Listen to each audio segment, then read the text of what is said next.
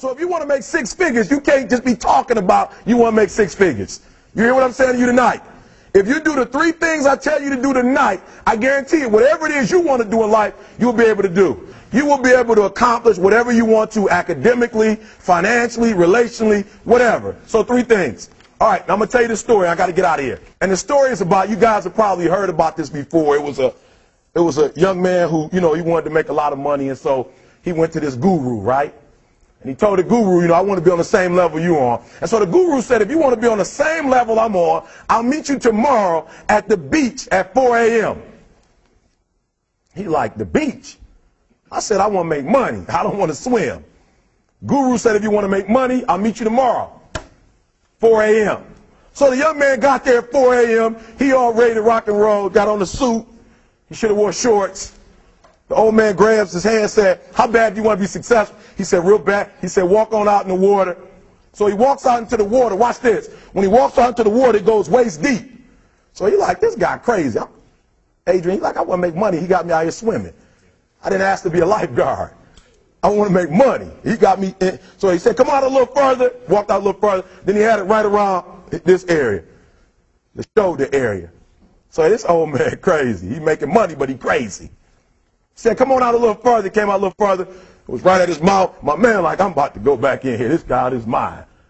So the old man said, I thought you said you wanted to be successful. He said, I do. He said, walk a little further. He came, dropped his head in, held him down, hold him down. My man getting scratching, holding him down. I got you. I know you brushed it out, but I got you. He had him held down. I need you for an illustration. He had him held down. Just before my man was about to pass out, he raised him up. He said, I got a question for you. Somebody answer the question for me. He said, when you were underwater, what did you want to do? Lee, I'm looking for a different word though than lip. What's that word? He said I wanted to breathe. He told the guy, he said, when you want to succeed as bad as you want to breathe, then you'll be successful. I don't know how many of y'all got asthma in here today, but if you ever had an asthma attack before, you short of breath, SOB, shortness of breath, you wheezing. The only thing you trying to do is get some air. You don't care about no basketball game. You don't care what's on TV. You don't care about nobody calling you. You don't care about a party. The only thing you care about when you're trying to breathe is to get some fresh air. That's it. And when you get to the point where all you want to do is be successful as bad as you want to breathe, then you'll be successful. And I'm here to tell you, number one, that most of you say you want to be successful, but you don't want it bad. You just kind of want it. You don't want it badder than you want to party. You don't want it as much as you want to be cool. You, most of you don't want success as much as you want to sleep. Some of you love sleep more than you love success. And I'm here to tell you today, if you're going to be successful, you've got to be willing to give up sleep. You got to be willing to work off for three hours of sleep, two hours. If you really want to be successful, some days you're going to have to stay up three days in a row. Because if you go to sleep, you might miss the opportunity to be successful. That's how bad you got to want it.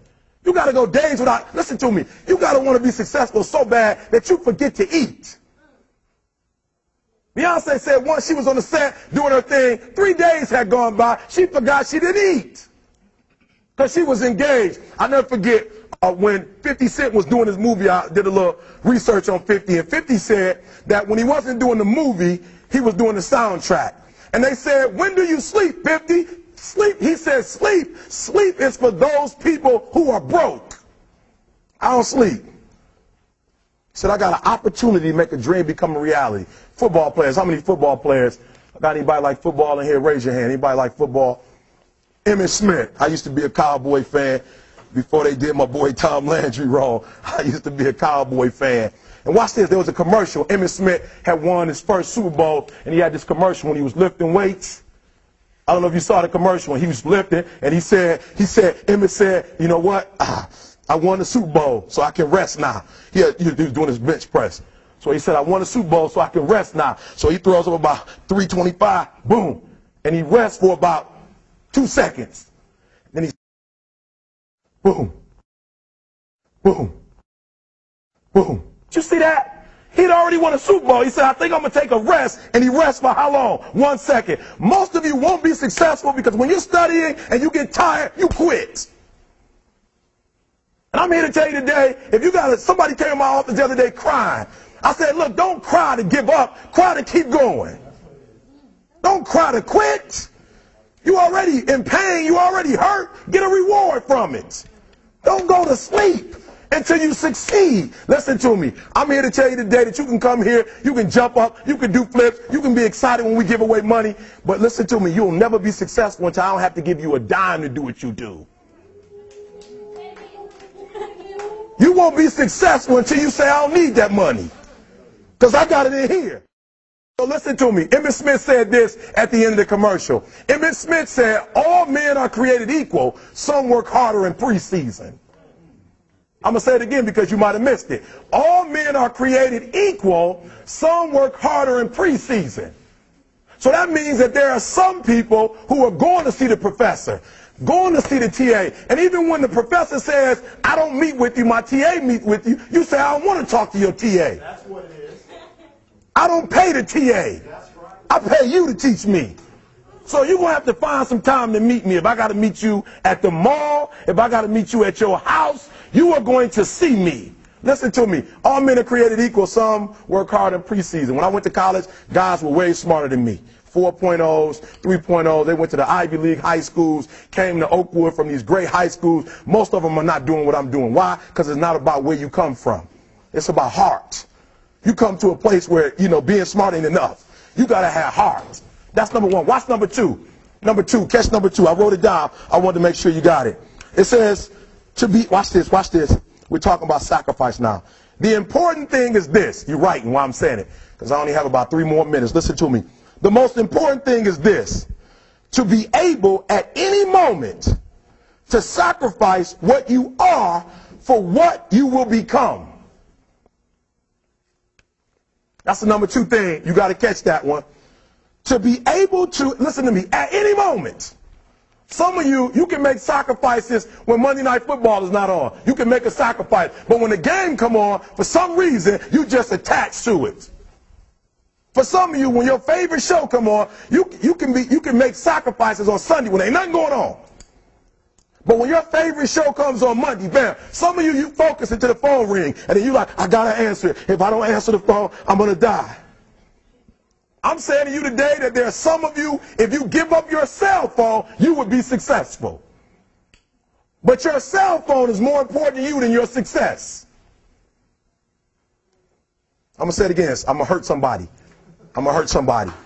Some of you need to give up your cell phone because the time you spend on your cell phone could be used for your success. The time you could be using to be successful, you're using it on the cell. And the cell phone is not bringing you nothing but a bill. And somebody has told you you couldn't live without it. I'm talking about going deep now, giving up stuff. Watch what it says. To be able at any moment to sacrifice what we are for what we could be. I don't do well in math. You're right. You ain't never studied. I'm not good in writing because you have never written before. But I dare you to fail in writing for a whole year to see if you can get to the end. I dare you to fail. I dare you to take that same class over and over again. I, I dare you to stop dropping classes like you soft. Always want to give up. I'm dropping. Why are you dropping? I'm so grateful that the slaves didn't drop and quit. Say, I'm just going to stop. I'm a slave. I'm just going to be a slave. I'm going to quit. Listen to me. The slaves said, we will live because one day we will become. We won't always be slaves. So today, although we're slaves, we're going to act like we're free, and one day our children will be free. If the slaves would have just said, we quit, we give up, we would have died in the middle passage. But some slaves said, I don't care what we go through, we're going to survive this. 400 years of slavery. We're going to get through this. And you can't get through it. 1825. You can't get through a writing class and you got tutor after tutor, resource after resource. The problem is you ain't never felt no pain before. You're soft. It's a soft generation. You quit on everything. Our people did not quit. Harriet Tubman not only made it, she went back and got some more. She said, you know what? I made it, but I'm, I'm going to walk all, listen to me, shh, not ride the bus. I'm going to walk all the way back down to the south to get some more. And you quitting on 1825? Now watch this. You quit after you, listen to me, you get a sleeping bag and you wait for them. You wait for the first WRA instructor to come in and you come out your sleeping bag, I need help. You quit after you do that. You quit after you had, listen to me, a, a WRA party. I'm, I'm, having a party. Everybody come over. I got food, everything. And let them get over there. Let it be all the best writers. All right, I food y'all. I want to have a writing party.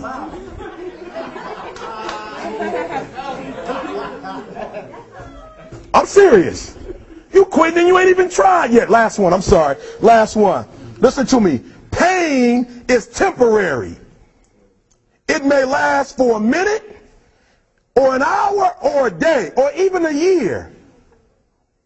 But eventually it will subside. And something else will take its place. If I quit, however, it will last forever. Listen to me, I'm telling you as I leave. I'm telling you as I leave, I was homeless for two and a half years. And the problem with most of you, you never felt no pain before. Y'all spoiled. Y'all spoiled. Some of y'all spoiled. Just bottom line. Your parents have done everything for you. You never had to do nothing for yourself. You're spoiled. We're going to keep it real tonight. Some of you are spoiled brats. Every time you ever got in trouble, somebody in your house got you out of it. Every time you've done something you're not supposed to do, people say, Eric, your mother's a tyrant. You're right. She kicked me out. You're right. She's mean, but she developed a man because she put me out there and said, you're going to have to grow up. And some of you have never learned to grow up.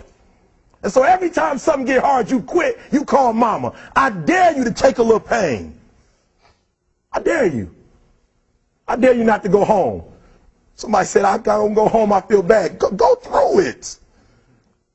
You ain't going to die. At the end of pain is success. You're not going to die because you're feeling a little pain.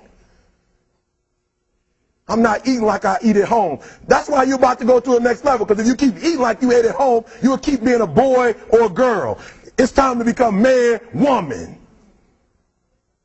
So don't, don't worry about a little pain. My greatest asset is I was homeless.